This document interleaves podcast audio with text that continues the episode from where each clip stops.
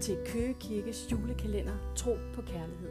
En podcast, der kommer hver dag i december måned.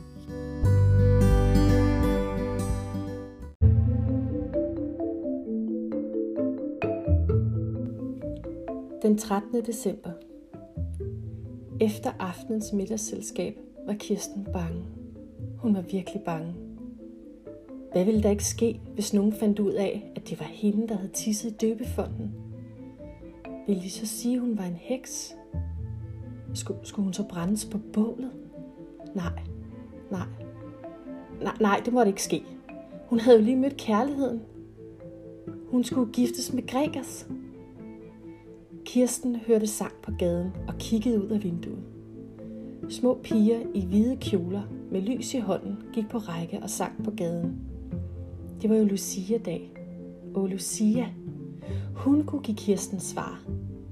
Da det blev aften, stillede Kirsten sig i mørket foran sit spejl med to lys i hånden og fremsagde det magiske Lucia-vers.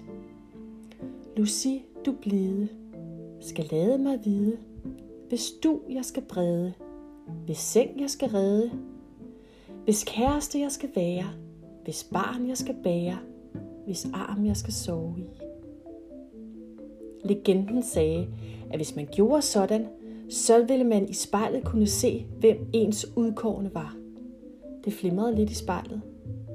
Så forsvandt Kirstens spejlbillede, og lysene gik ud. Kirsten blev bange. Hvad skulle alt det her betyde?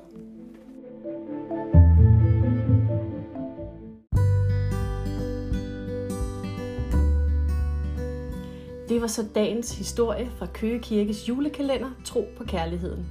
Vi håber, du vil følge med i morgen kl. 7, hvor den næste episode bliver udgivet. Ha' en god dag. thank you